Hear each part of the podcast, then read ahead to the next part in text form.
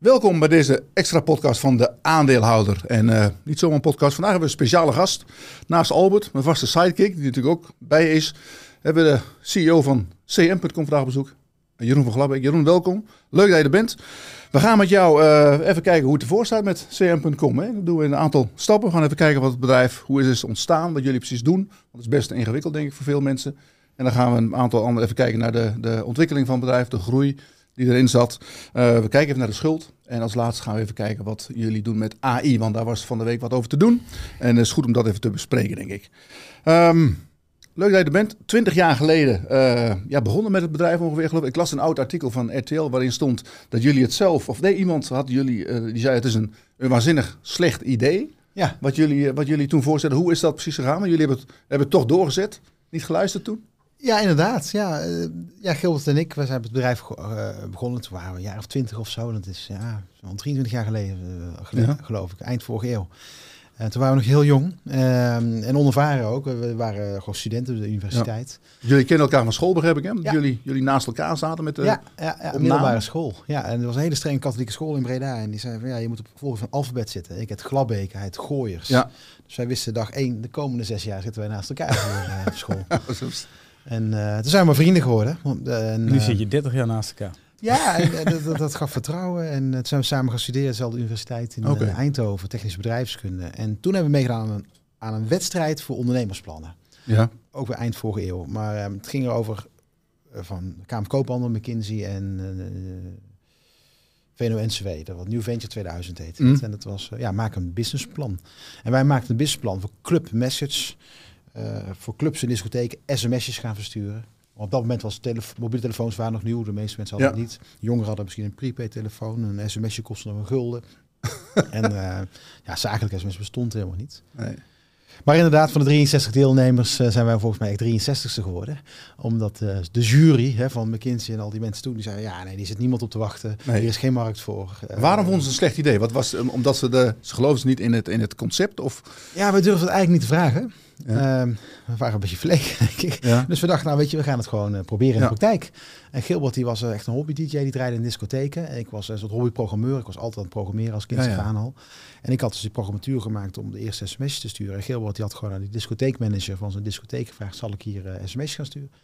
En ja, die discotheekmanager zei, ik heb geen idee wat je bedoelt, maar ja, jij bent mijn doelgroep, dus doe maar. Doe maar. en, maar ik wilde wel geld voor hebben, zei Gilbert. Ja, ja, 20 frank kregen geloof ik. Dat was toen een Belgische valuta. Ja. En uh, nee, zo is het begonnen. En die ene discotheek, dat werden vrij snel echt duizend. En uh, per discotheek hadden we duizend leden. Dus we hadden een miljoen jongeren die we per week bereikten met sms. Maar die stuurde je een sms'je van, van wat er dat weekend te doen was in die discotheek? Of zo? Ja. Ja, ja, precies. Of je bent jarig gefeliciteerd, Nico, met je verjaardag. Uh, kom zaterdag bij ons vieren. Ja. Neem tien vrienden mee en dan krijg je oh, okay. een fles champagne. Ja, ja, ja. Of uh, popcorn party, schuimparty. Ja. die discotheken zagen dus dat het aantal, aantal mensen wat, wat in het weekend kwam, dat dat uh, omhoog ging? Of dat ja. Dat, ja, discotheken zijn of vol of leeg. Hè? Als je twee discotheken naast elkaar hebt en de een is half vol, die anders half vol, maar de ene is een hele lange rij, ga je in die lange rij staan. Ja. dus er zijn altijd meer mensen bij. Dus als een discotheek een beetje populairder wordt, dan gaat die nog populairder worden. En dat sms konden dat aanjagen. Ja. Veel beter dan flyers. Eigenlijk was ik al een beetje ESG, moet ik zeggen. Ik vond die flyers altijd een beetje viezig. Ja. Dan strompelde je om vier uur s'nachts de discotheek uit. En dan kreeg je toch nog een flyer wat de volgende week te doen was. En dan ja, daar hebben we helemaal geen zin in. Ja. Die gooide je op de parkeerplaats of zo. Ja, dat deden mensen toen nog. En, uh, je was het eerste bedrijf ESG. Ik dacht, ja, als je nou op donderdagmiddag gewoon een sms stuurt. Gewoon lekker, smiddags. Ja. Um, dan heb je er zin in in het weekend. Uh, dan zit je naast je vrienden op school of zo. Of, uh, en uh, nou, we gaan naar de discotheek. Nou, ik had altijd, toen dat moest ik uitleggen wat een sms'je was. Ik heb nu een beetje de behoefte dat ik uit moet leggen wat een discotheek is. Ja. Maar ik denk dat de meeste mensen nog weten. Want ze zijn weggegaan. Hè? Ja, voor de meeste jongeren moet je ook weer gaan uitleggen misschien wat een sms is. ja, ja maar toen was het echt... Hè. Mijn kinderen kijken nooit op een sms. Die, nee, die nee, ene was weer uh, gisteren de orthodontist weer vergeten, want ja, die stuurt een ja. sms. ik moet zeggen, ik, vergeet, aan verdient ik moet zeggen, ik vergeet, ik, vergeet, ik vergeet het ook wel eens. Onze tandarts bijvoorbeeld, die, die stuurde vroeger sms'jes. Ja. En die stuurt nu, uh, stuurt nu een e-mail. Ja. Maar ik heb sms'jes inderdaad wel eens uit vergeten. Dat iemand uh, iets inspreekt. Ja, oh ja, shit. Ik een sms'je. Ja, toch is de attentiewaarde van sms wel echt wel vele malen hoger dan een e-mailtje. Hè? Want e-mailtjes ja. krijg je de hele dag in een box en zo. Maar je en sms'je valt gewoon op. Het is ook beter dan WhatsApp vertelde jij toch? Uh, ooit dat de open rate of zoiets, of de afleverkwaliteit van een sms is nog steeds hoger dan bij WhatsApp, toch? Ja, het hele traject hoe een sms van, ja, van ons naar, naar een telefoon gaat, Daar kan je alles over garanderen. Hè. Dat gaat over je KPN en Vodafone, het gaat over glasvezels binnen, gaat door de, door de lucht. Dus die kwaliteit ja, is, is heel hoog. En daarom werken we met CM, ja, ook voor de ING-bank, die sturen tandcodes, of voor de overheid, die sturen ja. DigiD-codes, of voor al die tandartsen. Um, Hoeveel zulke soort berichten hebben jullie verstuurd in 2022? 8 miljard. 8 miljard? Ja, 8 miljard. Van uh, berichten. En ja, die kosten allemaal uh, 3, 4 cent of zo. En dan verdienen we dan misschien uh, een halve of een hele cent aan. Dus ja. het, het, is wel volumehandel. Commodity. En dat is nog steeds zo'n beetje, nou, iets minder dan de helft van de, onze verdiencapaciteit komt nog steeds voor die wereldwijde sms-handel. Oké. Okay. Ja. Nou, ja, laten we eens even kijken wat jullie precies doen. Want het is natuurlijk wel, wel uh, we zeggen al, we krijgen ook wel vragen van beleggers. Zeggen van, ja, wat, wat, wat, wat doen ze nou precies? En dan proberen we het uit te leggen. Maar misschien is het goed als je dat zelf even doet. Ja. Je hebt een aantal verschillende uh, omzetstromen. Hè? Ja. Maar de, de, grootste is CPAS. Zeg je dat goed? Ja. Kan je uitleggen wat dat precies is? Ja, uh, CPAS is een afkorting voor communicatieplatform as a service. Ja. Dus dat is elk bedrijf in de wereld moet communiceren met consumenten. Of met klanten, maar laten we zeggen dat consumenten zijn, of fans, of patiënten, of cliënten. Um, ja, dan moet je op telefoon doen. En daar heb je dus een platform voor nodig, hoe je met die telefoon communiceert. Dat kan met bellen zijn, dat kan met sms zijn, dat kan met WhatsApp zijn, Apple Business Chat, uh, WhatsApp berichten. zijn tientallen manieren hoe je met telefoon kan communiceren. Je kan ook een e-mail sturen inderdaad, dat is ook nog iets. Um, en dan kan je dus, dan kan je dus bij zo'n platform als cm.com kopen. Wij zijn top van de wereld op dat gebied. Hè, top 5 van de wereld, denk ik. Uh, qua omvang, maar ook qua hoe goed we bekend staan. We lopen altijd voorop met innovatie. Mm -hmm. We waren de afgelopen ik, de snelst groeiende van onze industrie wereldwijd. Uh, ja, dus daar zijn wij echt heel erg succesvol in. En uh, ja, want dat, dat is, uh, hoeveel procent van de omzet is dat? Uh, ja, van de omzet is een groot deel. Voor de, van de marge is het iets minder dan de helft. Ja. het is zo dat die sms'en en ook die telefoongesprekken of berichten moeten we allemaal inkopen, operators. Met heel de op, alle operators in de wereld zo'n beetje bij contracten. Vodafone, T-Mobile, KPN, maar dat ja, over heel de wereld. Honderden, ja. honderden operators. En die betalen wij er allemaal voor, voor die toegang. Okay. dus het geld wat de klanten ons betalen, ja, dat is een paar honderd miljoen per jaar voor die berichten. Ja. Daarvan gaat 80, 90 procent weer door naar oprijden. Dus veel omzet. Ja, dus nog maar een heel klein stukje van die, van die cake, zeg maar, die, die, uh, ja. die bedrijven jullie betalen. Want eigenlijk is de bruto marge daarvan is ongeveer, ja, dat fluctueert een beetje rond die 15 procent. Ja.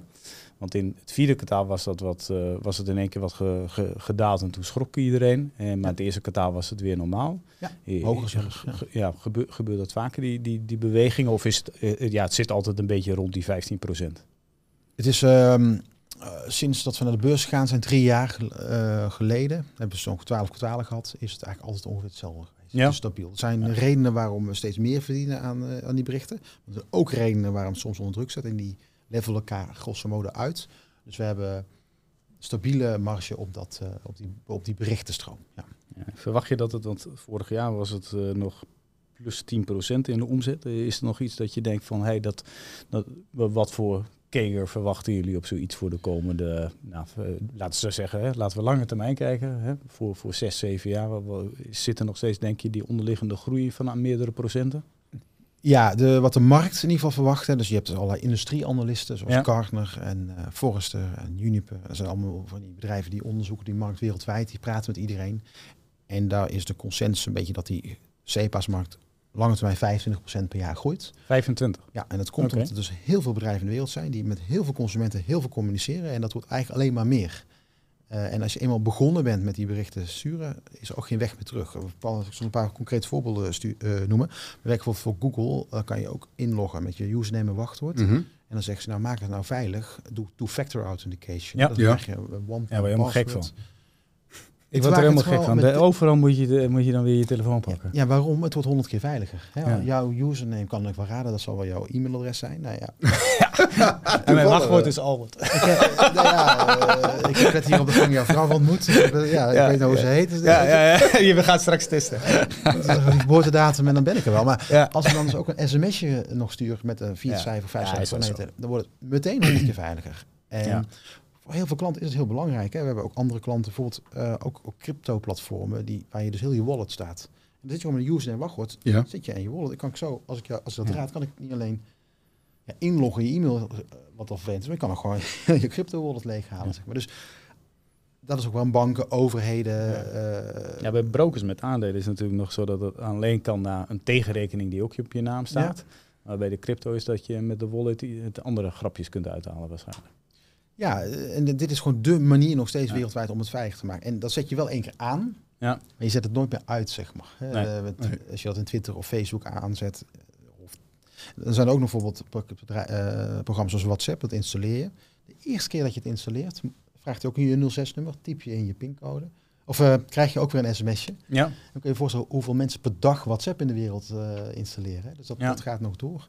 En de andere trend waarom het groeit is ook wel rondom afleveringen. Dus wij werken voor DHL, en, ja. Uh, PostNL. Oh ja, die zijn ook allemaal bezig met. Ja, die sturen heel veel sms'jes elke keer dat ze later komen. Ja, dat ze. hoe zijn we, we zijn tussen 8 en 5. Ja, nee, sorry, vandaag is er toch iets vertraging. Ja, ik krijg heel veel sms'jes. En ehm, voor jullie is dat goed. Ja, en ook voor de, voor, voor de, eerste klant die we dit hadden, was denk ik 2008, was Weekamp. En die rijden, reden elke dag, toen de tijd, met 60 vrachtwagens vol met koelkasten en dergelijke naar mensen thuis. Ja. Gewoon echt van die grote dingen. Ja. Niet, die, dus niet, uh, ja, je kan niet voor de deur kan je niet even bij de buren afleveren. Nee, dus 60 vrachtwagens per dag. En op een gegeven moment ja. Um, ja, zijn die gestart met ons sms sturen. Van, nou we komen vandaag die koelkast bij jou thuis brengen. We komen om 10 uur. En ja, zorg dat je thuis bent en dat het ding door de voordeur past.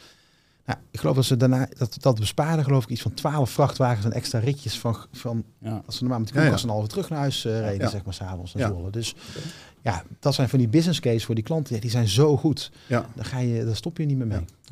Wie is je grote concurrent op dat gebied? Uh, uh, bedoel, wereldwijd kent iedereen Twilio, denk ik. Maar is er ook in Nederland andere bedrijven die dit soort dingen doen? Of? Ja, nee, je hebt overal concurrenten, ook in Nederland. In Nederland nou, in Nederland, Messagebird is een in Nederland gevestigd bedrijf. Ze zijn alleen niet zo actief op de Nederlandse markt. Ze zijn, Die komen meer in andere delen van de wereld wel tegen. In Nederland eigenlijk niet zo. Uh, je hebt in, uh, in het noorden van Europa heb je Cinch, dat is een bekende.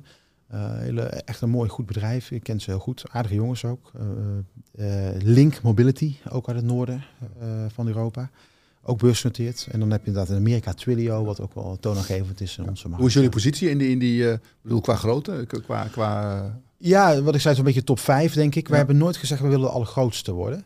Uh, in heel veel industrieën is het zo, als je de grootste bent, heb je voordelen. Uh, betere inkoop, betere efficiëntie.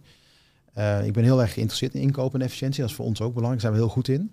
Alleen, gek genoeg is met sms en allerlei andere berichtgeving het zo dat het tot op zekere hoogte belangrijk is hoe groot je bent en daarna niet meer. Oké, dat hebben jullie al bereikt, dat niveau? Dat, dat niveau hebben we, want ja, we doen het al langer, we doen het op grote schaal. Ja. bijvoorbeeld als ik naar Vodafone ga en ik bepaal wereldwijd koop ik een miljard sms in voor een bepaalde prijs en dan zeg ik, nou, als er nou 2 miljard zijn, wordt het dan goedkoper. En dan zegt Vodafone, nee. Waarom? Ze typen gewoon een Excel in hoeveel berichten ze er verstuurd worden naar hun gebruikers. Ja. Keer hoeveel geld ze eraan willen verdienen, zeg maar. Ja. En korting geven ja. gaan ze niet meer van verdienen. dus dat maakt wat dat betreft hm. helemaal niet uit. Qua dus om heel veel geld te investeren om twee keer zo groot dat kan voor ons niet uit. Efficiëntie is wel belangrijk. En wat wij gedaan hebben, is we hebben één platform. Dat is wereldwijd hetzelfde. Dus in alle hoeken van de wereld staan servers van ons. Die staan in Dallas, die staan in Singapore, in Hongkong, die staan in Bangalore, in Europa op heel veel plekken. Eigen infrastructuur die we bezitten. Eigen software die we zelf ontwikkeld hebben. En dat is één platform, altijd hetzelfde. En dat is super efficiënt. En als je dan kijkt naar zo'n concurrent als Cinch bijvoorbeeld, die wel groter is. Maar hoe zijn die groter geworden? Die hebben dus allemaal grote overnames gedaan. Dus die hebben een bedrijf in India gekocht, en een bedrijf in Brazilië gekocht, en eentje in Amerika, en eentje in Europa. En die managen eigenlijk vijf grote bedrijven mm. met vijf verschillende platformen. Maar ja, uiteindelijk winnen wij het op efficiëntie en dat is nog belangrijker dan op schaal. Oké, goed. Laten we even kijken naar de, de, andere onderdelen, want dat is wel leuk. Ja, we zijn er nummer één. Uh, uh, SaaS, ja. Software as a Service. Ja, Software as a Service, super belangrijk. Uh, zijn wij um, voorloper in. In de zin van, als je alleen naar sms kijkt, of alleen naar CPA's, die communicatieplatform, kan je natuurlijk heel lang nadenken van, ja, is dat niet een commodity? Is dat niet prijsdruk? Als je goed naar de klant kijkt, dan zie je, nou, wat wil die klant eigenlijk? En die klant wil eigenlijk twee dingen.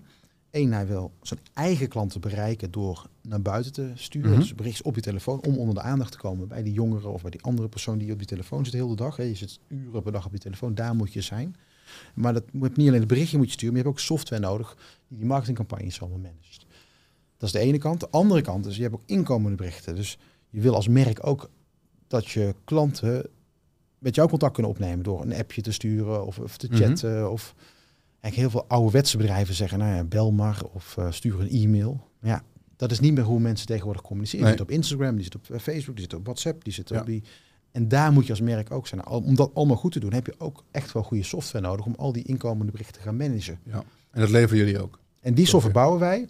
En die leveren wij. En dat is software as a service, dus internet gebaseerd. Dus als je een computer hebt met een browser, kan je eh, gelijk aan de slag. Ja.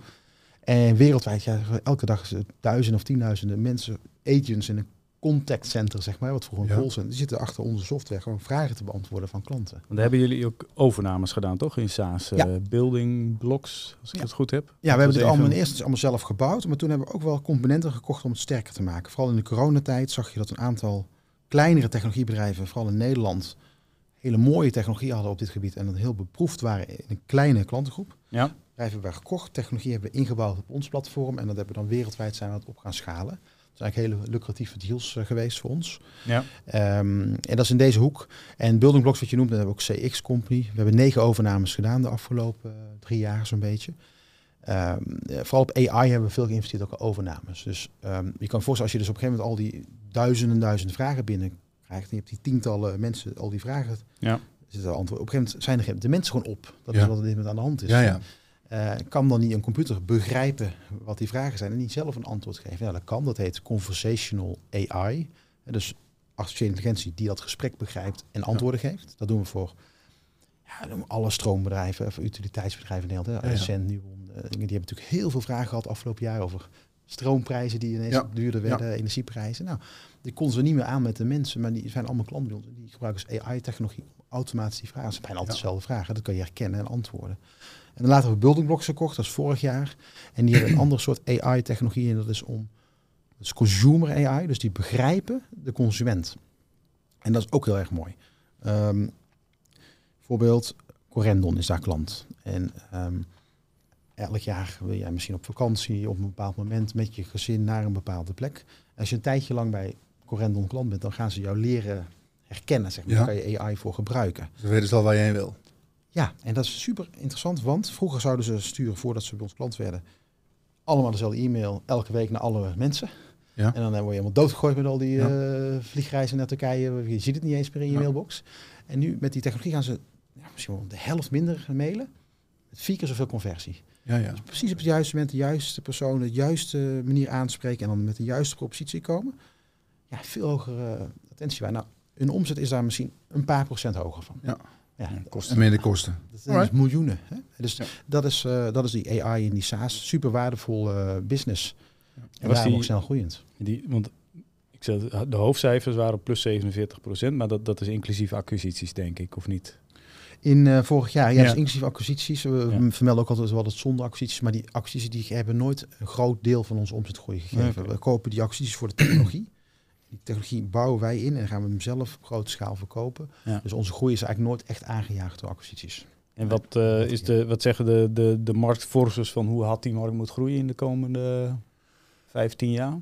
Ja, kijk, SaaS-wereld is nu een beetje verstoord. Um, die is tijdens corona enorm door het dak gegaan. Mm -hmm. um, iedereen ging op zijn werk SaaS-dienst gebruiken. Dat begon met Zoom of Teams of dat soort dingen. Ging je dat allemaal gebruiken. Iedereen ging de licenties verkopen.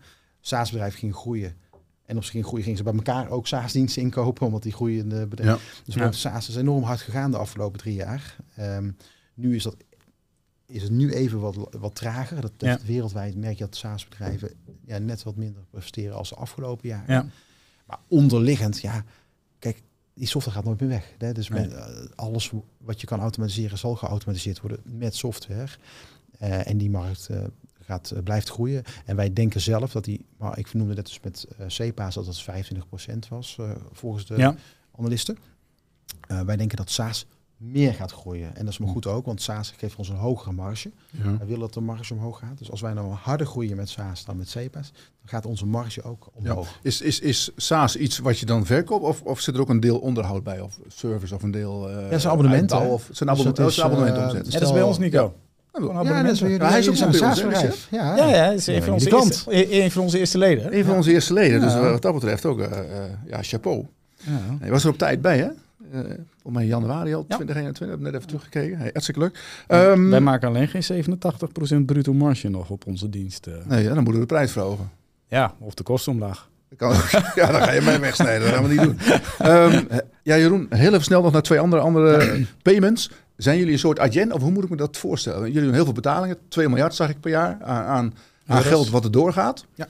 Um, hoe moet ik dat zien? Wat is jullie, jullie, jullie rol precies daarin? Hoe werkt dat? Ja, als je kijkt naar de rol technisch gezien, is dat heel vergelijkbaar met wat Agent doet, ook in de Europese Nederlandse markt. Agent is natuurlijk een fantastisch mooi Nederlands bedrijf, wereldwijd actief. En als je zegt, ik ben Nike of ik ben Starbucks en ik heb in tientallen landen allemaal allerlei valuta's en ik wil het allemaal managen, ja, zijn zij daar super goed in. Er zijn echter ook bedrijven of uh, gewoon bedrijven algemeen die betaaldienst zullen afnemen in Nederland of in Spanje of in België. En daar zijn wij dan weer heel goed in. Okay. De Nederlandse overheid zijn wij bijvoorbeeld de betaalprovider van. Dus als je nou te hard naar huis rijdt vanavond en je je krijgt een boete, dan krijg je een mooie brief van de, C, van de weet, CEB. CEB, ja. En daar staat dan een mooie QR-code. Die hebben wij niet alleen gemaakt, maar zelfs een beetje uitgevonden. En dan kan je betalen met Ideal QR. Ik zou daar echt niet trots op zijn. ik vind het heel mooi. Ik vind het echt mooi. Ik vind dit echt een heel slecht voor. Ik had er per eentje dubbel betaald. Die krijg ik wel binnen een week terug. Dat, moet, dat vond ik wel netjes. Ja, ja, nou ja dus bedankt ervoor. Technisch gezien. Jij hebt zo die boetes twee keer betaald. Ja, ik dacht dat ik hem al betaald had. En toen was hij er niet door. Ik denk, nou, doe nog maar een keer. En toen was hij er toch door. Was uit Jen waarschijnlijk, maar goed. nee, nee, dat zijn wij. jullie dat? Ons, Maar het kan ook nee, maar ik, kreeg, ik, heb, ik had hem bewaard. Ik moet even in de gaten houden dat ik het wel terugkrijg. En ik kreeg keurig terug. Ja. En dan hebben we nog tickets. Dan verdienen we twee keer aan jou dan. Dan je twee dat is ook goed. Ja, ja dan gooien we hem de abonnementsprijs omhoog. Dat gaan we sowieso doen. Um, even de laatste ticketing inderdaad. Is, is dat met, want ik, ik heb je toen gesproken, want was het anderhalf jaar geleden of zo, in corona geloof ik. En toen zei ik tegen jou van, ja, de ticketing, daar wordt natuurlijk niks nu, want alles is dicht. Maar je doet ook heel veel, heel veel indoors, bij musea en zo. Ja, nee, ticketing groeit heel hard. Vorig jaar zeven keer meer omzet geloof ik als, jaar, als, uh, als een aantal jaar geleden.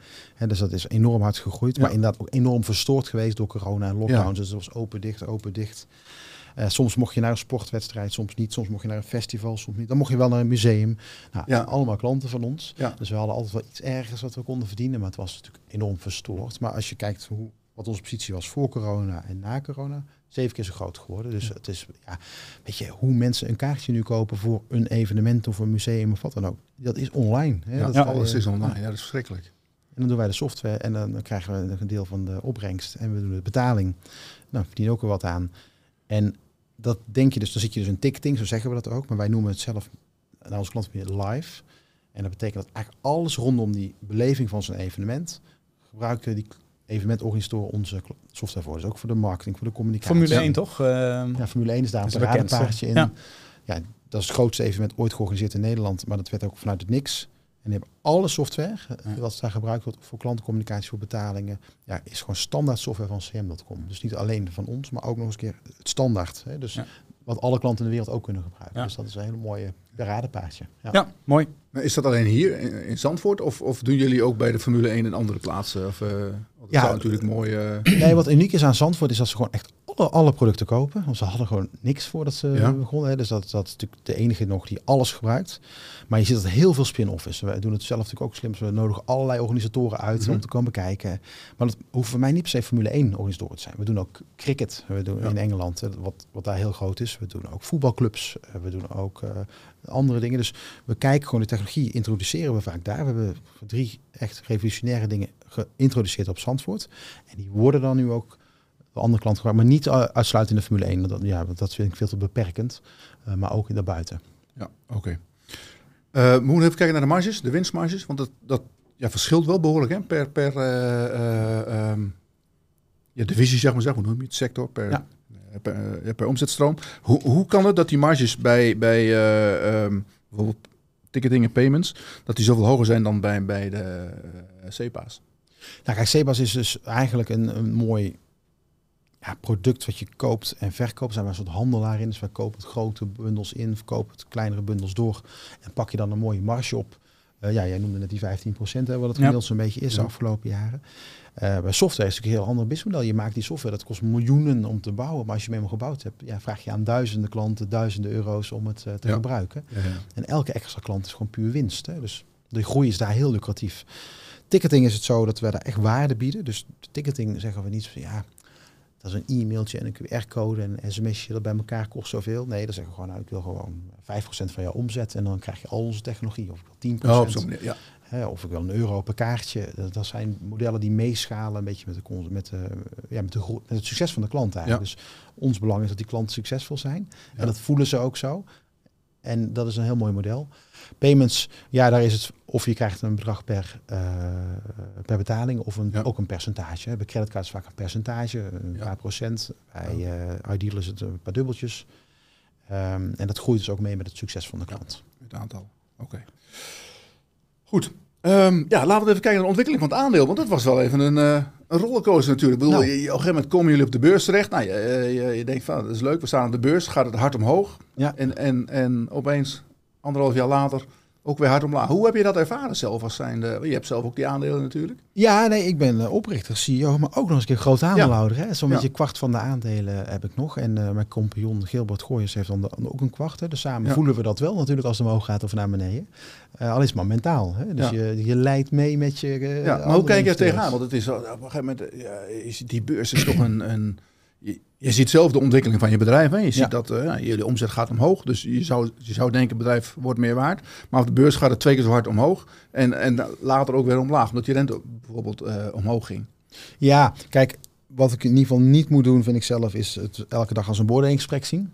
Hè, nee. Dat ik s'avonds thuis kom en denk, nou, goede dag gehad. ja, we zijn 4% lager, ja. Ja, dat, uh, of slechte dag gehad, zo moet ik het niet zien. Wat ik wel, hoe we het wel bekijken is uh, naar de markt. Hè. Dus je kijkt, doen we het beter dan de markt? En dan kijken naar andere vergelijkbare bedrijven. Gaan die ook zwart omhoog, gaan die ook zwart naar beneden? En dan doen we het eigenlijk altijd beter, of vaak beter dan veel peers waar we naar kijken. Dus dat is dan goed. Kijk, maar je ziet, er is een soort tech-rotatie geweest, die in september, anderhalf jaar geleden begonnen dat ineens uh, ja, bedrijven uit tech, snel groeiende technologie stapten of investeerders en die gingen weer naar waardeaandelen uh, gaan. Hè. De rente ging langs toen omhoog. Ja, dus uh, heel veel andere aandelen waren aantrekkelijker om, in te, om geld in te investeren dan, dan snel groeiende technologiebedrijven. Ja. Um, nou, dat begrijp ik ook wel. Wat we moeten doen, is ons bedrijfsvoering aanpassen eigenlijk aan de nieuwe werkelijkheid. Hè. En dat is niet nieuw. dat was ook het begin van corona hadden we eigenlijk dezelfde situatie. We gingen net naar de beurs, nou, februari. Een maand later zaten we volledig in de lockdowns in Nederland. En toen was al ook iedereen twijfels. Ging onze koers ook gelijk door de helft. Ja. Want iedereen dacht, oh ja. Oh ja, want het stond eerst inderdaad 20 euro bijna of zo. Ja, dacht, ja. en ja. toen even 7 of zo. Dus het was ineens enorm gedipt. Begin van de lockdown. Dus ja. de beleggers ineens dachten, ja, CM had een groeiplan, maar kunnen ze wel groeien in corona? Ja. Nou, uiteindelijk hebben we waargemaakt dat we heel ja, flexibel zijn. Hè. Dus ja, sommige klanten hadden er last van dat is ook heel erg. Op Booking.com was een van onze grootste klanten op dat moment. Ja. Uh, oh ja. Nou, eh, maar ook al die uitgaansgelegenheden, eh, dus die live evenementen. Maar jullie deden ook heel veel voor de overheid, toch? En toen hebben we dus gezegd, ja, de overheid is ook een klant. En zou die overheid nou niet gewoon meer willen communiceren op dit moment met mm -hmm. bellen, sms'en voor vaccineren of voor testen? Ja. Nou, dat bleek. En dat is in heel veel landen een hele goede business. Dus ons platform is wereldwijd uh, gebruikt om testafspraken te maken, om uh, vaccinatieafspraken te maken, uitslagen ervan te communiceren, mensen veilig in te laten loggen op dat soort dingen.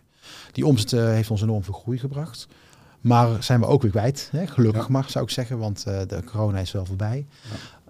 Uh, eerste kwartaal hadden we nog uh, een jaar geleden nog best de laatste, ja, de laatste omzet aan. Toen waren we nog lockdowns. Hè? Dat is nog één jaar en een kwartaal geleden. had je nog in Nederland nog lockdown. Ongeveer niet meer voor te stellen. Nee, dat is echt zo. En dit, ja, dus die lopen nou uit de cijfers. En dat hebben we nou vervangen, die business, met ja, duurzame nieuwe klanten waar we lange termijn weer mee kunnen, verder kunnen. Dus, okay. Hij moet toch wel, hè, ik kan me, het moet toch wel echt schrikken zijn. Hè? Je, je komt op die beurs en uiteindelijk sta je, ga je gewoon naar 44 euro. Ja. Uh, komen straks nog gewoon natuurlijk op, want dan hebben jullie een convertible uitgegeven. Ja. ja, en dan zie je, nou, althans tot gisteren stond je ergens op 8 euro ik zou zeggen, ik zou denken, dat moet toch wel echt wel wat een beetje doen. Want het is ook nieuw op de markt. Uh, en voor jullie was het ook een nieuwe ervaring natuurlijk. Want jullie hebben private equity altijd buiten de deur gehouden. Ja. Uh, altijd het op eigen kracht willen doen. En ja. nou, dan krijg je geld en dan gaat die groeimotor aan. En uh, word je eerst enorm beloond en dan word je weer enorm afgestraft. Ja. Ik ben benieuwd hoe dat met je als, eh, met jullie twee als, zeg maar, als grote aandeelhouders slechts personen. Van, je ziet toch je bedrijf, je denkt van nou, gouden, het gouden ei. En dan in één keer is het weer allemaal niks. Kijk, wat scheelt is dat uh, voor mij persoonlijk, ik ben als een lange termijn. Ik ben 25 jaar geleden dit bedrijf begonnen, of nou, 23 jaar geleden samen met Gilt. Ja. En ik wil het liefst nog 20 jaar hier werken. En, dus ik denk echt lang vooruit. Mm -hmm. En dan word je minder afgeleid met allerlei korte termijn fluctuaties.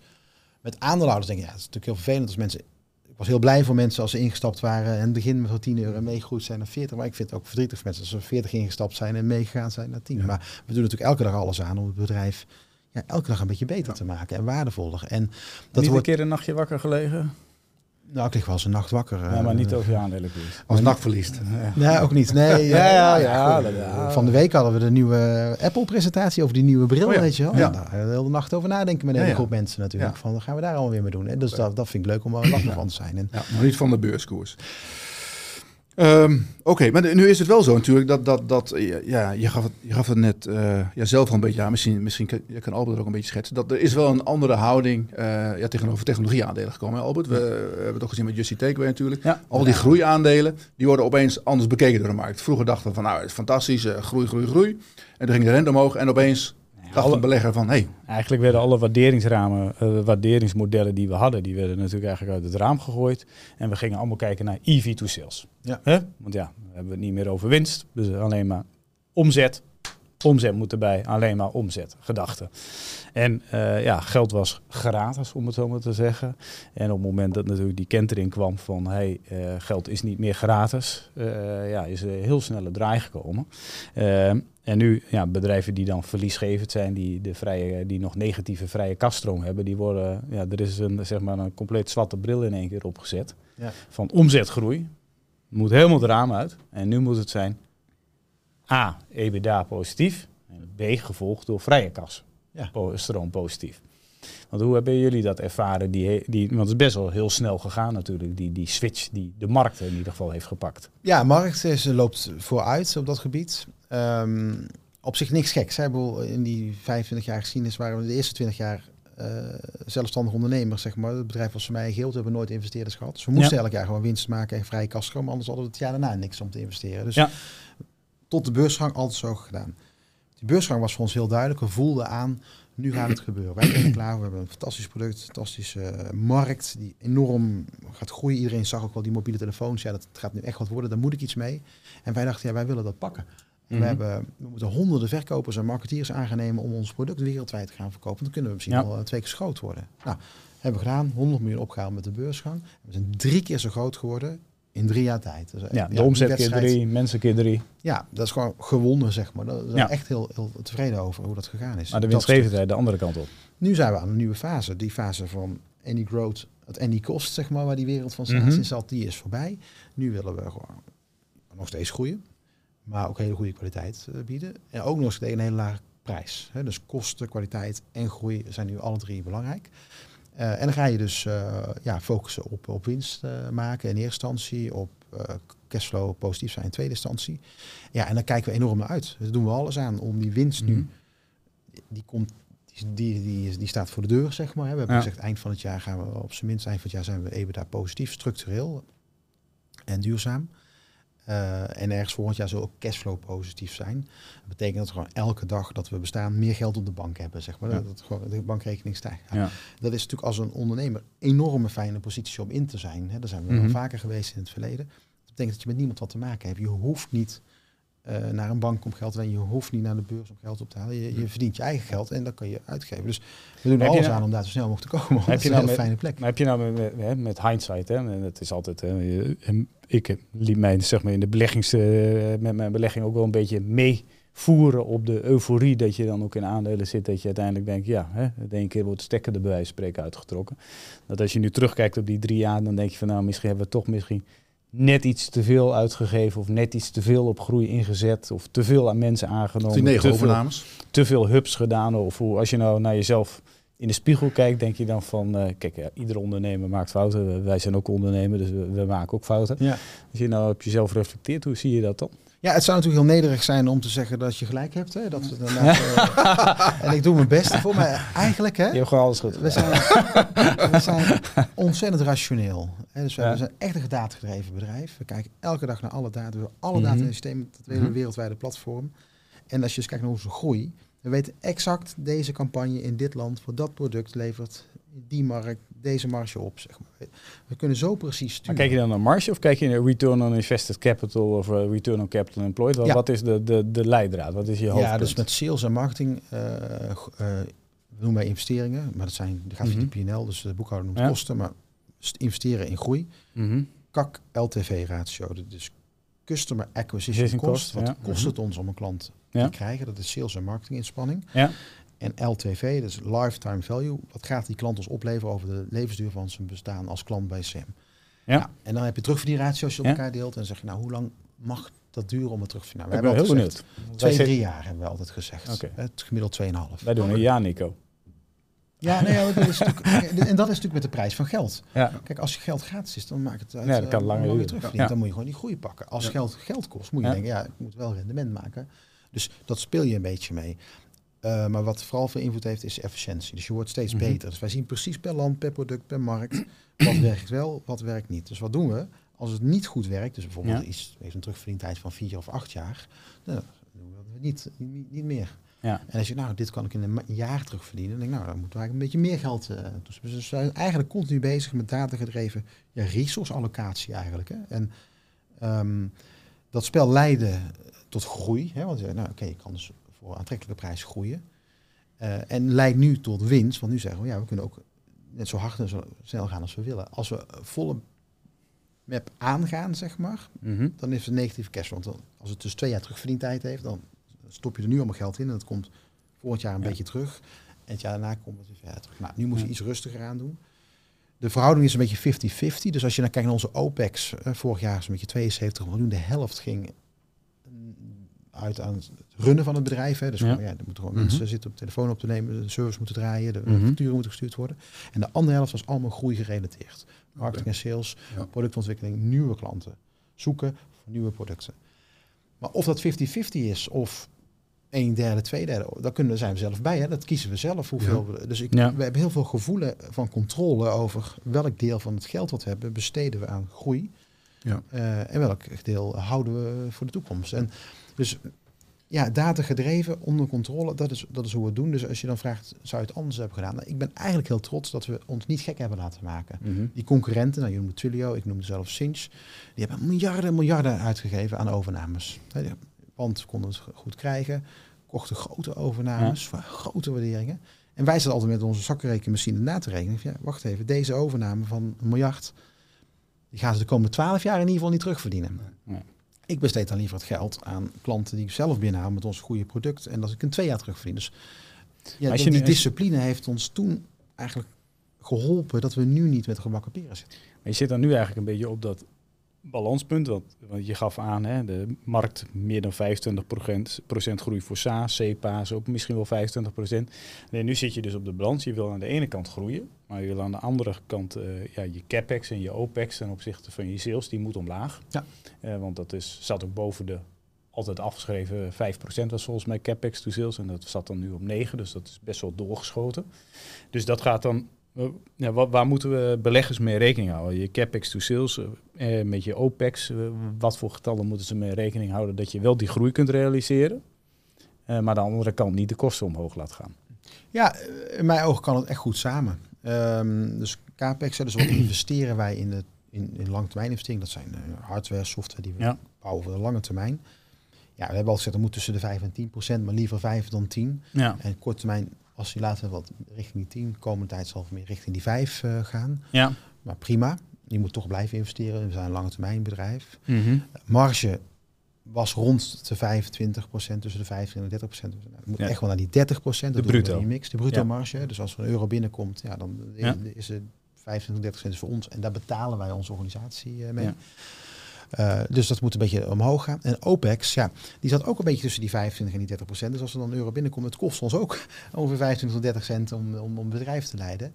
De helft daarvan was echt wat het kost en die andere helft wat we dan in, in groei steken. Nou, nu zie je dat door al die efficiëntieprogramma's die we hebben, dat we eigenlijk met lagere OPEX kunnen werken. Dus mhm. je ziet eigenlijk al als je onze persberichten een beetje volgt, dat het aantal FTE al een beetje aan het dalen is, een aantal kwartalen, dat we dat laten zien.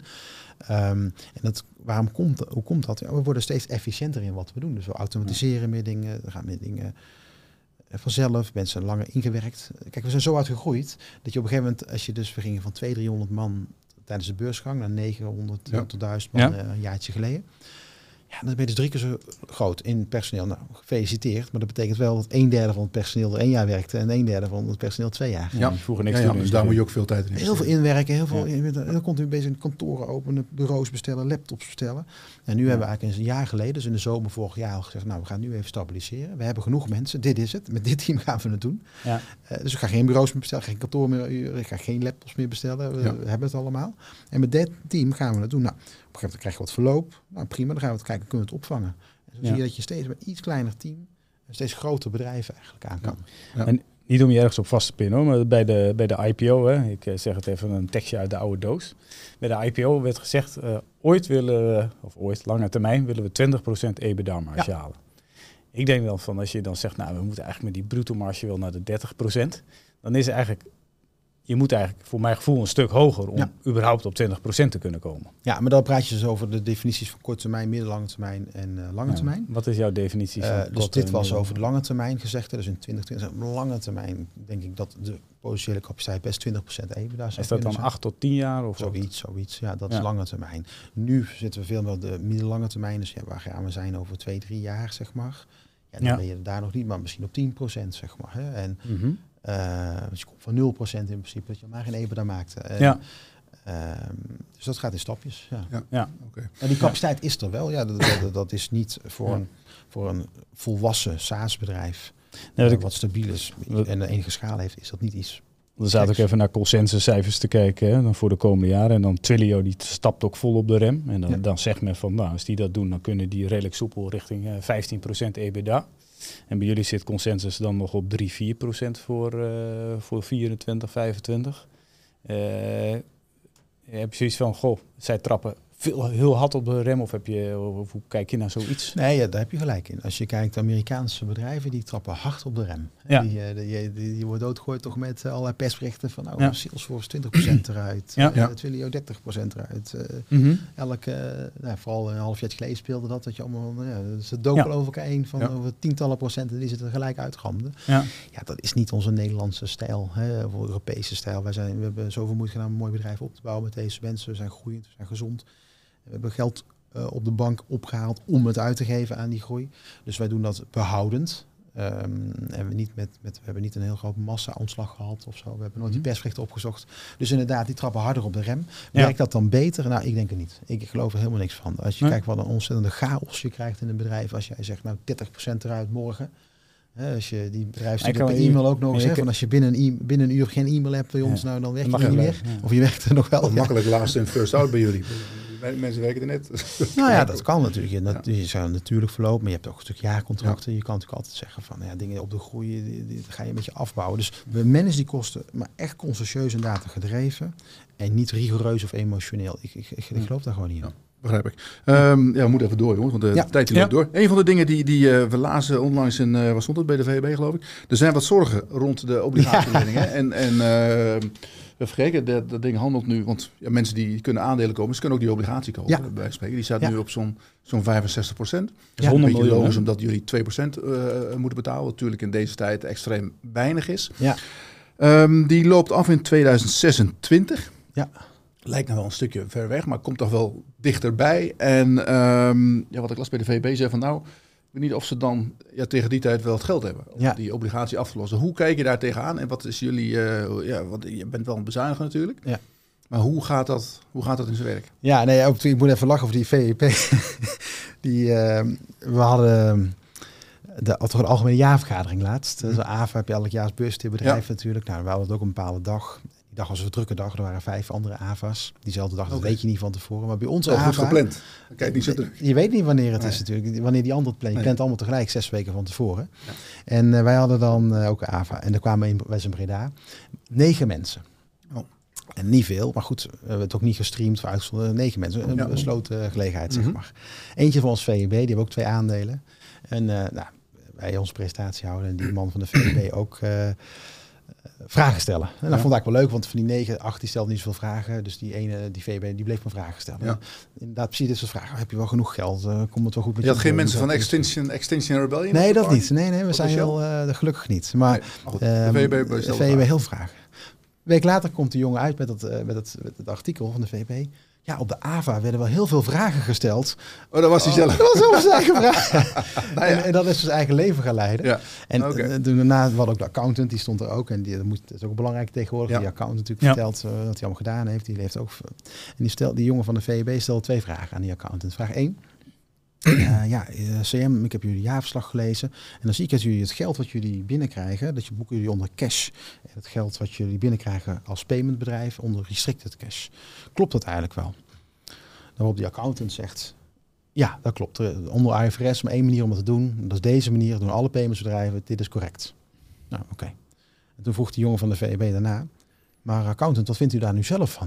Dan zei die accountant, ja, ik heb die regels niet bedacht. Ik voer ze alleen maar uit. Mm Dan schrijft die VEB daar een stukje over. Die zegt, nou, we hebben ook wel vragen gesteld, VEB, over ja, ja, de uh, accountant die, uh, ja. hoe dat nou geboekt wordt bij CM. En, die, en die, daarna zei die accountant wel dat hij het zelf ook zo niet bedacht had. Ja, ja, heel tendentieus, leuk om te lezen, maar het, slaat eigenlijk nergens op, zeg maar. Maar de moeilijke was ook een beetje, omdat er op jullie, en jullie bij de jaarcijfers stond volgens mij 83 miljoen cash. Ja, ja maar er stond ook in natuurlijk 47 miljoen ja. uh, net. Het staat er gewoon bij. Het staat, uh, zo moet het. Uh, ja, Je kan het jaarrekening van Agent kijken. Die doen het precies hetzelfde. Er is maar één manier hoe dit wettelijk mag. en dat is zo. Hoe, hoe zit het eigenlijk met het, met het geld? Wat, want het, dat staat dan bij Stichting Derde Gelden. Hoe werkt dat precies? Als ik bijvoorbeeld een betaling doe via jullie, Staat het geld dan eerst even op een aparte rekening? Ja, dus er komt continu geld binnen. Ja? dus ook van die overheid of die andere klanten. Ja, dat geld raakt heel eventjes onze bankrekening. En dan dezelfde dag of dag gaat naar de oh, klant. Maar er zit altijd wat geld bij ons, heel kort. Ja. Er staat op een beschermde bankrekening. In Nederland is zelfs in een bepaalde stichting op dit moment.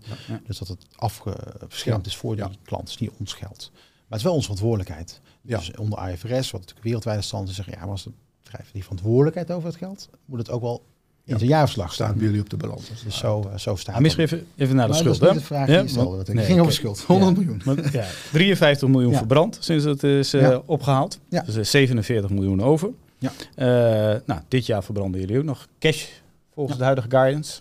en eind 2024 willen jullie free cashflow positief zijn. Dus dat is de guidance. Dus zit je een beetje te rekenen. Nou, hè, laten we niet zeggen van waar het op uitkomt, maar die 47 gaat nog omlaag. Uh, en dan in 25, dan moet uiteindelijk het kwartje de andere kant op gaan vallen.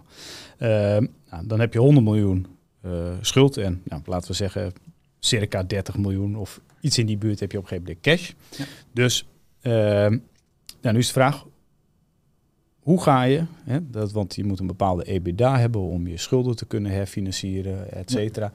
Ja. En ja, de winstgevendheid is er nu nog niet. En die zal langzaam omhoog gaan. Want ja, je hebt wel aangegeven natuurlijk dat jullie gewoon niet had gaan snijden. Maar dat jullie natural attrition wilden doen als het ware. Ja, maar ja, het verloop is 15 procent. Dus dat is al, 15 gaat wel hard. Ja, in Nederland gemiddeld, zeg maar, standaardcijfer. Ja. Dus misschien zou je kunnen uitleggen van, goh, hoe zie je dat nou zelf voor je? Uh, want normaal als je zo'n lening hebt, wil je een jaar van tevoren of wil je herfinancieren. Dus dan zit je zeg maar uh, september 2025. Ja, dus ah, ik zal het uitleggen. Ja, nou, de floor is yours. Ten eerste de convertible bond. Hè, die hebben we opgehaald uh, naar anderhalf jaar geleden zo'n beetje. Lopen nog 3,5 jaar. Gouden deal voor het bedrijf. We lenen 100 miljoen tegen 2% rente zonder convenanten. En je hoeft pas over vijf jaar af te lossen. Ja. Ik denk dat ik mijn leven als ondernemer nooit meer zo'n deal ga maken. 2% rente, 100 miljoen lenen zonder convenanten. Pas vijf jaar aflossen. Echt topdeal. Was het jullie idee of van de bank? Nee, ja, dat, dat, wij hebben die, dat, dat product in de markt gezet. En die heb je toen niet bedacht om misschien aandelen uit te geven op dat niveau? Dat was de, de aandeelkoers stond ook ja, best. dat kon. Dat, had ook gekund. Dan hadden we om 100 miljoen op te halen dat met 6% verwaterd. Ja. Uh, daar zijn aandeelhouders over het algemeen niet blij mee. Dus wij dachten, nou ja, met een convertible bond, ofwel verwatert helemaal niet, want je lost het af. Ofwel je verwatert op een hoger niveau. Ja. En dan verwatert iedereen minder. Dus dat was beter voor de aandeelhouder om het En een lage rente natuurlijk, 2%. Wat ja, dat is gewoon uh, heel weinig. Um, mooi deal. Waarom hebben we het geld opgehaald? Om verder te groeien. dus we wilden dat uitgeven aan sales en marketing, verdere groei mogelijk te maken. We waren lekker bezig met die eerste 100 miljoen die we opgehaald hadden bij de beursgang. Mooie groei neer. Alle doelen eigenlijk al heel snel bereikt, sneller dan we dachten. En we gingen gewoon door met deze 100 miljoen. Dat zijn we dus ook aan het doen. Hè. Dus dat mhm. geld wordt inderdaad uitgegeven. Mhm. Daar was het ook voor besteed aan sales en marketing. En het leidt inderdaad ook tot sales en marketing. Dus volgens plan. Uh, dus als je nu naar dat geld kijkt, inderdaad, die 100 die is er nou niet meer. Die hebben we half uitgegeven aan overname voornamelijk en nog wat groeiinspanningen. Uh, dat rendeert, daar zijn we blij mee. En, mhm. Maar we moeten natuurlijk wel, we hebben natuurlijk altijd gedacht, in 2026, september, september 2026, komt de dag dat we het af moeten lossen. Nou, dat betekent dat je in 2025 dat eigenlijk al moet kunnen doen. En we, willen, we hebben ook altijd elkaar gezegd, uh, Jurgen en ik als CFO en, en ik, dat willen we op zijn minst. We willen dat op allerlei opties op tafel hebben liggen op dat moment. Maar één moet ook gewoon zijn een normale banklening. En een normale banklening is voor een bedrijf dat je twee, tweeënhalf, ja. drie keer je EBITDA kan lenen. Dat kan normaal gesproken in elke economie, elke dag kan een bedrijf dat doen. Ja, gewoon een kredietlijn lopen. Ja, en dus moeten we dus de, het mogelijk kunnen maken om een echt een ja, uh, substantiële winst, hè, zo'n uh, 100 ja, gedeeld 2,5, 3. Is je dan? Uh, of 33, hè, natuurlijk ja. uitreikt, moet je dan dus kunnen maken in 2025. Goed, eerst hebben we natuurlijk nog 2024, volgend jaar dan hebben we cashflow positief. Maar om cashflow positief te kunnen zijn, moet je echt wel goede e uh, EBITDA al maken volgend jaar om die investeringen te kunnen mm -hmm. En dit jaar moet die EBITDA op zijn minst wel ja, aan het eind van het jaar eh, positief zijn. Ja. En dus we wil niet per se zeggen dat het hele jaar positief zou zijn, maar in ieder geval eind van het jaar is het structureel uh, positief. Um, dat is ons plan. En um, we liggen daar, uh, dat voeren we uit, we liggen op schema, we hebben daar vertrouwen in. En dan zijn er ook nog alle andere dingen die kunnen gebeuren. Maar dit is het basisscenario, dus op zelfstandig kunnen uit de, bij een bank kunnen lenen in 2025. dat is dus even, om het even te schetsen, de H, H1 was min 3, min 5 miljoen dit jaar. Aan het eind van het jaar moet je break-even zijn. Dus dit jaar staat er een minnetje, uh, is de verwachting. Volgend jaar moet er op EBITDA een plusje staan. Ja. Uh, maar ja, als je stel dat je naar 400 miljoen omzet groeit en je zou naar 3% of 4% gaan, dan zitten we natuurlijk nog lang niet op 33. Nee, maar dan dus, is volgend jaar zo pas 2024. Ja, dus maar dan moet je in, nou, van 24 naar 25 natuurlijk echt een stevige stap zetten. Uh, ja, ik denk dat je 24 ook wel een stevige stap. We hadden net over die mhm. capex. Dat is een percentage van de omzet. Nou, als de omzet ja. hele afgerond getal 300 miljoen is en wel ja. dat molen 5 procent is, dan zal die daar volgend jaar wel eh, meer dan 15 moeten zijn, bij wijze van spreken, om de capex te kunnen om dus cashflow positief te zijn. Dus ja, er moeten stappen gezet worden. Uh, maar percentueel is het gewoon, als je de OPEX gewoon een beetje uh, minder maakt, omdat je steeds efficiënter wordt en dus met mhm. minder mensen en kosten aan kan en minder geld verbrandt aan dingen die minder renderen, die we nu weten, omdat we dus zodanig gedreven zijn. En je blijft wel gewoon wat groeien. En echt hoef je echt niet meer die oude groei die we gezien hebben van 40, 60, mm 70 procent, maar gewoon ja, gewoon met de markt mee of 10, 20, 30 procent. Wat, wat, je gewoon, wat we verwachten. Ja, dan ontstaat daartussen dus die verdiencapaciteit om winst te maken. En ja, wij, wij zien dat, uh, dat is eigenlijk ons plan. Ja, ja dus ja. gewoon door operationele hefboom, uh, OPEX, ja. CAPEX. En gek is, dat gaat dus heel hard. Als je dus zeg maar een bedrijf hebt, je hebt 10% minder kosten en 10% meer marge, dan mm -hmm. is het ineens toch 20%. Dat gaat, dat gaat heel hard, zeg maar. Ja, ja. Dus, Denk je erover na om die, want die obligatiehandel nu op rond de 65%, om al, alvast een deeltje terug te kopen? Of een, een, een ja, wij zouden ja. Bieding inleggen, bij wijze van spreken? Of, of ik, zou, ik zou hem persoonlijk nog wel willen kopen. Maar jij zegt iedereen kan hem kopen. Zo makkelijk is het niet. Ik heb het al weer bij de Saxo Bank, ja, nee. ik heb het al bij ING-bank, bij Verlandschot Bank. Maar die, die, die, hij is beursgenoteerd. Ja, staat op de Duitse beurs. Maar dat is van mij moet je ook per, denken dat het per 100.000 gaat, neem ik aan. Ja, je moet, ja, uh, hij is misschien, is dat waard, voor, misschien is dat voor Jeroen geen probleem. Je moet 60.000 euro betalen. voor 60.000 euro koop je één bond. En die levert dan over 3,5 jaar een ton op. Ja. Als we het dan terugbetalen, maar daar ga ik vanuit. En dat je ook nog 2% krijg je ook nog rente ja. elk jaar. Ja. Goed, dat is ook een topproduct. Dat is eigenlijk bij elkaar 20%. Ja. Ik maak geen reclame voor, maar, nee, nee, maar goed, is een goede deal. Die, dat ding staat natuurlijk ook zo laag, omdat de, de, de rente is hard opgelopen. En normaal gesproken betaalt een, denk een, een bedrijf betaalt, uh, ja, weet ik veel, 7, 8% rente. Ja. En die mis je natuurlijk in, in die, die komende drie jaar. Dus dat is al 18, uh, 20% zo'n beetje. Dus dan zit je al op al onder de 80. Dus dat maakt wel verschil. Ja, en, je hebt zelf dus alle vertrouwen erin dat jullie de route met de OPEX en met de groei, dat jullie die, door dat mix-effect uiteindelijk uh, ja, met een banklening of iets dergelijks. Uh, ja, de banklening is het standaard scenario en dan heb je natuurlijk nog de andere. en dat is ook die bond terugkopen. Wat hebben jullie nu kredietlijnen lopen al die je kunt oproepen? Nee, op dit moment hebben wij als bedrijf geen kredietlijnen. Waarom niet? Omdat dat hadden we altijd. Maar toen ja. we naar de beurs gingen, kregen wij ineens ja, ja. Toen hebben jullie die banklening afgelost bij ABN toch? Toen hebben we alle bankrekeningen afgelost en opgezegd. Ja, dat zijn allemaal kosten. We hebben een lening nodig. We hebben gewoon positief geld. Dus ik ga geen... Je moest al betalen voor positief geld hebben op dat moment. Dan ga ik ook niet nog een extra betalen om, om te kunnen lenen wat ik niet nodig heb. Maar nog even over die bond. Hè, want jij zegt ja, ja er zit toch nog wel iets anders denk ik altijd. Het is waarom is het nu in deze tijd zo dat je voor 60.000 euro een bond kan kopen die over 3,5 jaar 100.000 euro oplevert. Het klinkt als een gouden deal eigenlijk, ja. als je het snel zegt. En ik denk ook echt, dus ik stel me altijd voor, straks zitten we in het bejaardenhuis en dan hebben we het erover, weet je nog, Jeroen, 20, 23, dan kon je gewoon een bond kopen voor 60.000 en die leverde 100.000 euro op. En dan vraag je toch aan elkaar, heb je dat toen gedaan of niet? En uh, ja, het lijkt mij, ik zou het wel willen doen, zeg maar. Het lijkt mij uh, ja. ding. En, maar waarom is het nou? Ik zal vertellen.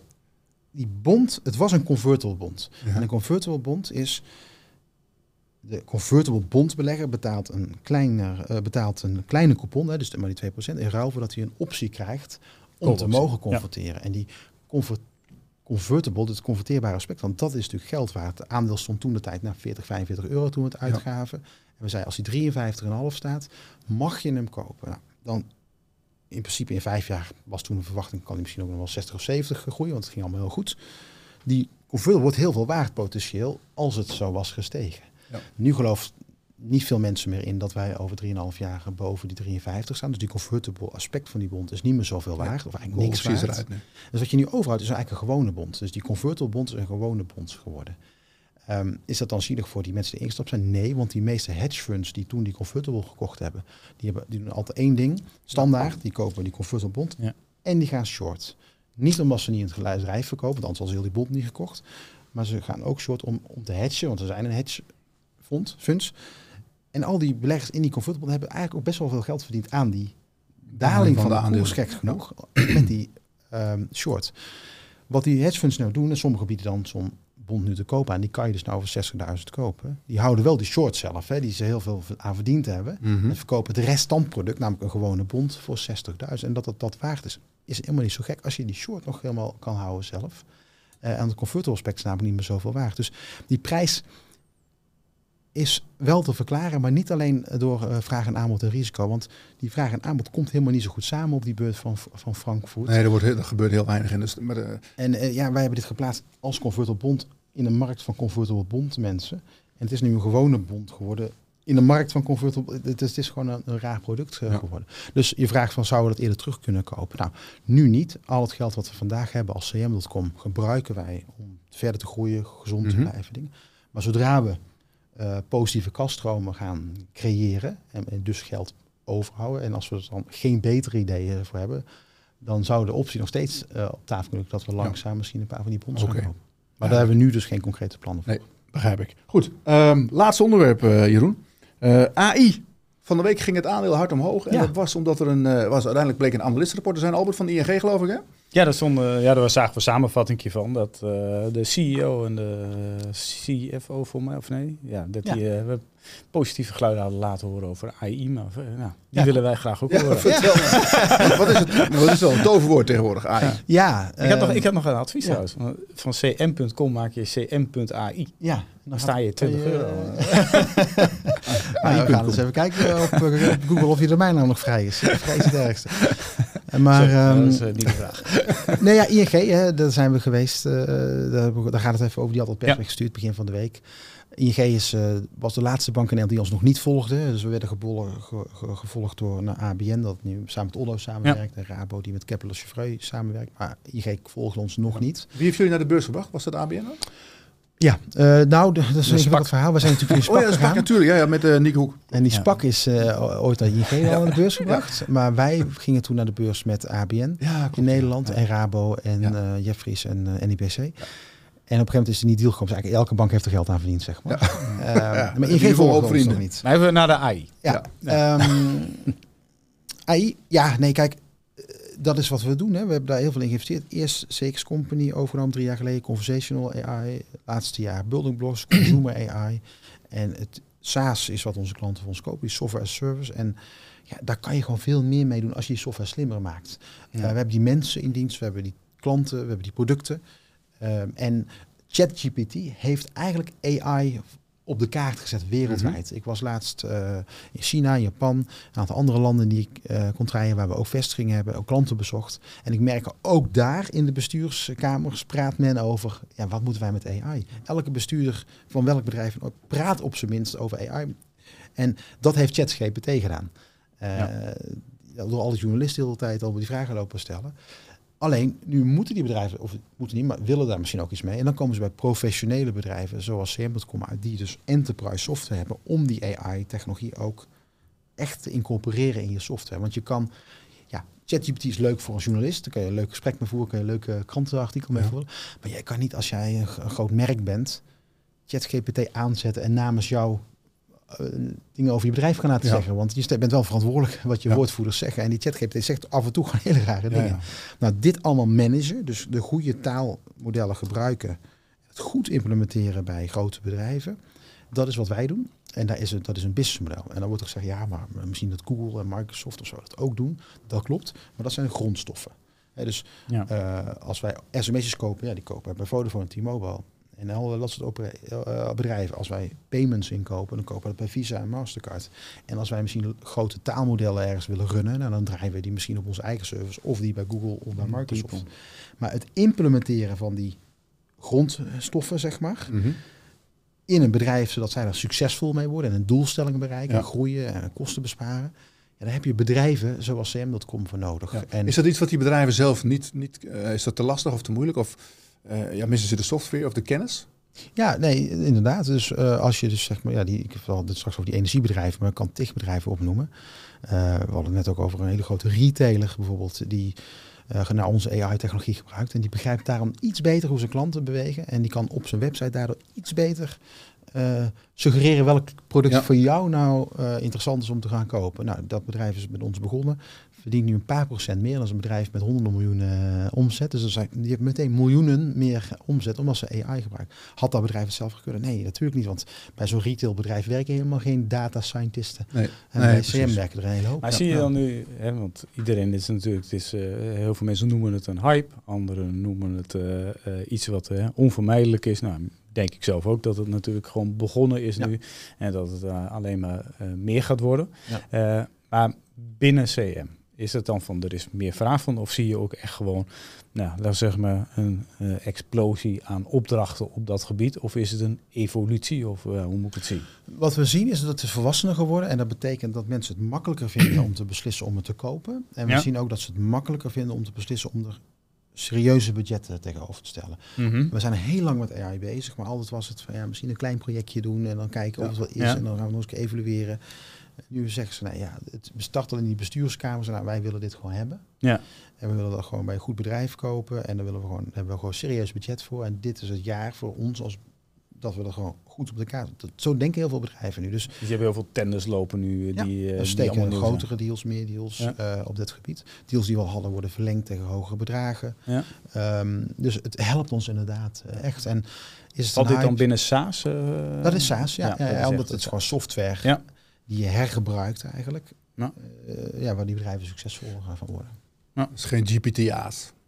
GPT ja, is, weet je wat het is met GPT? Dat is gewoon één product van één bedrijf, OpenAI, waar dan ja. Microsoft een belangrijke steek in heeft genomen. En dat is prima, dat is een groot taalmodel.